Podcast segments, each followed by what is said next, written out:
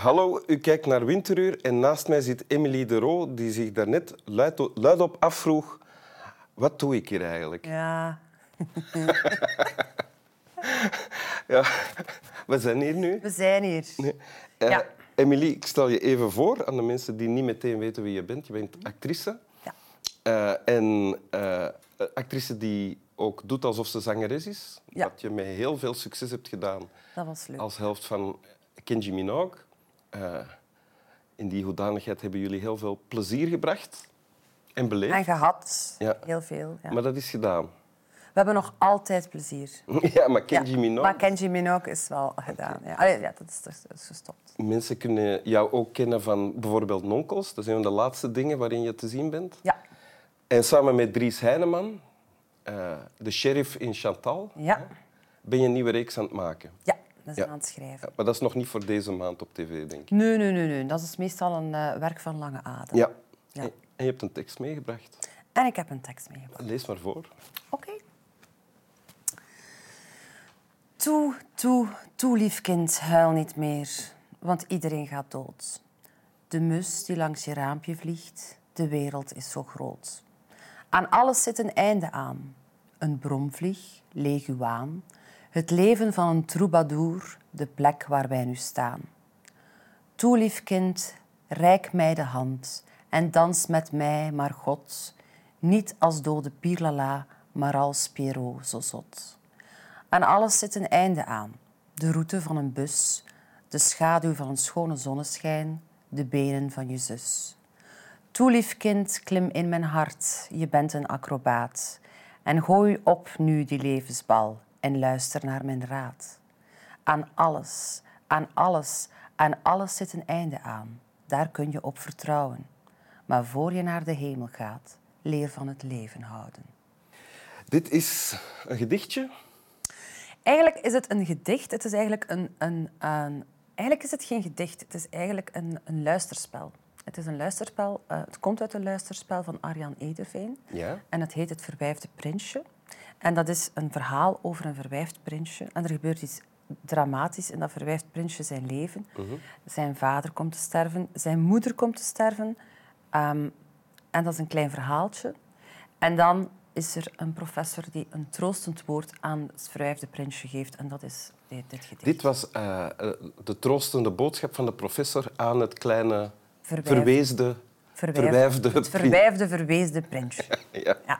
Oké. En het is van Arjen Ederveen. Ja, Eh, en onder andere daarom heb je dit gekozen. Hè? zeker. Ja, ik, ehm, als, ik, ehm, als ik moet denken aan iemand die mij geïnspireerd heeft als kind, gewoon als mens, dan is eh, Arjan Ederveen daar wel één van. En vroeger in Theo en Thea, dat was comedy eh, waar ik vroeger naar keek. Ehm, In welke leeftijd had je dat? Ja, zeven, acht, negen, ja, Ja. zoiets. Dan later 30 minuten. Geweldig. En borreltijd, dat waren voor mij... Ja, ik, vind dat, ik vond dat een geweldige acteur. Arjen Ederveen, voor de mensen die hem niet kennen, was een, of is, maar ik weet niet of het nu nog doet, een Nederlandse tv-maker die vooral voor de VPRO Ja. eh, ja, geschifte... een geweldige timing heeft. Een geweldige, een geweldige acteur, eigenlijk. Ja. Een fantastische komische timing. Ehm, ja, ik, ik, ik, ik word vrolijk van zo'n mensen. Is dit dan ook vrolijk of grappig, wat je net komt voor te lezen? het, is, het is natuurlijk, het gaat altijd wel over, eh, over ehm, ehm, ernstige dingen, zoals dus hier bijvoorbeeld de dood. Dat is een, een heel traumatisch gebeurtenis voor, voor het, het verwijfde prinsje natuurlijk. Maar er wordt altijd wel met een soort van luchtigheid mee omgegaan. En dat vind ik wel, dat vind ik wel leuk daaraan. En dat vinden in Hans het werk van Arjan Ederveen zit dat erin. Dat zit erin verweven. Dat gaat over ehm, zware problematieken waar eigenlijk op een ja, ja, een humoristische manier toch ook wel een beetje luchtigheid aan wordt gegeven. En dat, Ja. vind ik, dat vind ik wel... Dat trekt mij wel. Ik vind dat wel leuk. Ik heb wel een donker kantje. Ik hou van donkere comedy. En dat blijkt ook hieruit, uit het tekstje dat je voor... Want de manier om het kind te troosten is... Van, van de professor hier is eigenlijk zeggen... Och, kind, alles en iedereen gaat dood. Alles eh, gaat dood, maar vooral het laatste vind ik, vind ik dan belangrijk. En dat is leer van het leven houden. Zorg dat je, als je sterft, dat je er toch alles uitgehaald hebt wat dat erin zat. En is dat dan ook hoe jij in het leven staat? Ja. ik probeer, hè. Ja, Ja. ik probeer. Ja. Ja. Maar ik moet wel zeggen, ik, ik, ik heb eh, het geluk... En ik heb dus ook een keuze dat gemaakt, hè. Maar ik heb wel die keuze gemaakt. Ja. Ja. Op een bepaald moment bewust? Of is dat altijd al zo geweest? Nee, dat is precies toch wel altijd al in. Dat is precies toch altijd wel in. Ook dat donkere kantje. Ik had vroeger een, eh, een dierenkerkhof. Een dierenkerkhof? Ja, ik Je woonde bent aan een opgegroeid op steenweg. een boerderij ook, hè? Niet op een boerderij, maar met mijn grootouders hadden een boerderij. Ah, oké. was daar Ja, wel ja. veel, ja. Waar jij ook mee voor de dieren zorgde, Ja. toch? Ja. Maar het waren niet die dieren die op dat kerkhof lagen? Nee, nee, nee, nee. Ik woonde langs een steenweg. Dus mijn moeder die woonde, eh, en mijn vader woonden aan een steenweg waar heel veel roadkill lag. Ja. Dus dan ging ik met mijn bolderkar, mijn strandkar, eh, al de roadkill ophalen. En dan eh, maakte, en die begroef ik dan op mijn, eh, op mijn dierenkerkhof. Gaf je die diertjes dan nog een naam? Ik gaf ze een naam. En ze kregen ook nog van de verwelkte boeketten van mijn moeder, die op de composthoop lagen, maakte ik dan nog, wat ik nog schappelijk vond, raapte ik dan op en dan presenteerde ik een grafje, maakte daar een kruisje voor. Helemaal alleen of, of met, met, met broers of zussen? Dus voor de dienst kwam dan de familie. Dus, dan, dus eerst deed ik het grafje, het kruisje, de naam, Ja. het bloemetje. En dan eh, zo'n papfles, eh, zo'n zo'n borstel om papflessen uit te kuisen, gebruikte ik dan om eh, het graf te, in, In te zegenen? in te zegenen. Zo, ja. En dan mochten de familie wel komen, ja. Ah ja, ja. En die kwamen dan ook Ja, die kwamen, ja. samen meebidden?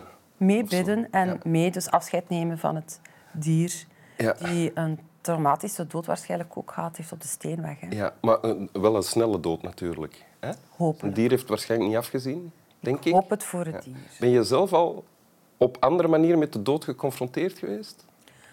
Zeker. Ik ben eh, eh, ja, mensen die sterven, ja, dat is zo. En dan ehm, ben ik ooit al... ooit heb ik eens gedacht dat ik ging sterven. Ja, dat heb ik ooit Een bijna doodervaring. een soort van bijna doodervaring. Niet in de zin dat je dood bent en dan een licht ziet, maar eerder in het, in het idee van ik, ik ben hier op een plek en ik weet dat de dood nu aankomt. Welke plek? Waar was je? Ik zat in een longtailbootje in Thailand en, ehm, en ik... ik eh, wou- zee, of- Op zee, ja. ja. Ik wou op, eh, de beach gaan bezoeken. Dat is zo'n typisch eh, verschrikkelijk toeristisch ding, een, een strand. En ik kwam daartoe en eh, ehm, ehm, op dat moment was dat heel raar, want ik kwam toe. Normaal is dat zo, vredig, zo Thailand, zo bootjes. En, en je komt ergens toe en dan, en dan oh, wauw, mooi, een strand en zo. En, ja. en oh, die mensen waren allemaal in paniek. Dat was heel raar. Die mensen van het eiland waren allemaal in paniek en die, die waren eigenlijk aan het lopen naar de boot. En iedereen eh, riep, in de boot, in de boot, tsunami is coming. Dus er was een tsunami onderweg. En ik zat in een longtailbootje. Je was al in een boot. Lap. Lap, dacht ik, het is zover. Ik bedoel, er was twee jaar eerder een heel grote tsunami geweest, dus we wisten allemaal wat dat al had gedaan. Dus ik dacht, ja, ik- ik ben in Thailand. Ik heb zelfs ooit die film nog ervoor gezien. Dat had ik ook nog niet moeten doen. Eh, die film die er ooit over gemaakt is. En dan was ik daar en ik dacht, ja, lap. Dus je dacht echt, ik ga dood nu. Ik ga dood. En bij de man die dus het eh, bootje eh, bestuurde, de kapitein, die, die had het al meegemaakt, want hij had een groot litteken op zijn buik eh, van twee jaar eerder. En die zei van, we gaan niet aan land, we gaan in de zee. Dus wij zijn toen met dat bootje in de zee gevaren. En daar heb ik dus de hele namiddag naar de horizon te kijken om te zien wanneer dat de muur van water over ons heen En ging. was, was je rustig of was je in paniek? Er was een soort van rust over mij. Omdat ik dacht, dit is het einde. En ik keek... eh, ik dacht, wat heb ik nu allemaal gedaan in mijn leven? En toen dacht ik, amai, wat heb ik al een tof leven gehad. Ah, ja. En jammer dat ik geen kinderen heb. Want ik had toen nog geen kinderen. Mhm. En toen kwam de tsunami. Die is gekomen. En die was 9 mm groot. dat was wel, ja. En daarna is het, kind, eerste kind gekomen. En dan eh, eh, kwam ik terug van Thailand. Ik was zwanger. Wil je het nog eens voorlezen? Toe, toe, toe, lief kind, huil niet meer. Want iedereen gaat dood. De mus die langs je raampje vliegt. De wereld is zo groot. Aan alles zit een einde aan. Een bromvlieg, leguaan. Het leven van een troubadour. de plek waar wij nu staan. Toe, lief kind, reik mij de hand en dans met mij, maar God, niet als dode Pirlala, maar als Pierrot zo zot. Aan alles zit een einde aan. De route van een bus, de schaduw van een schone zonneschijn, de benen van je zus. Toe, lief kind, klim in mijn hart. Je bent een acrobaat. En gooi op nu die levensbal en luister naar mijn raad. Aan alles, aan alles, aan alles zit een einde aan. Daar kun je op vertrouwen. Maar voor je naar de hemel gaat, leer van het leven houden. Dank u. Alsjeblieft. Snap wel. Dag.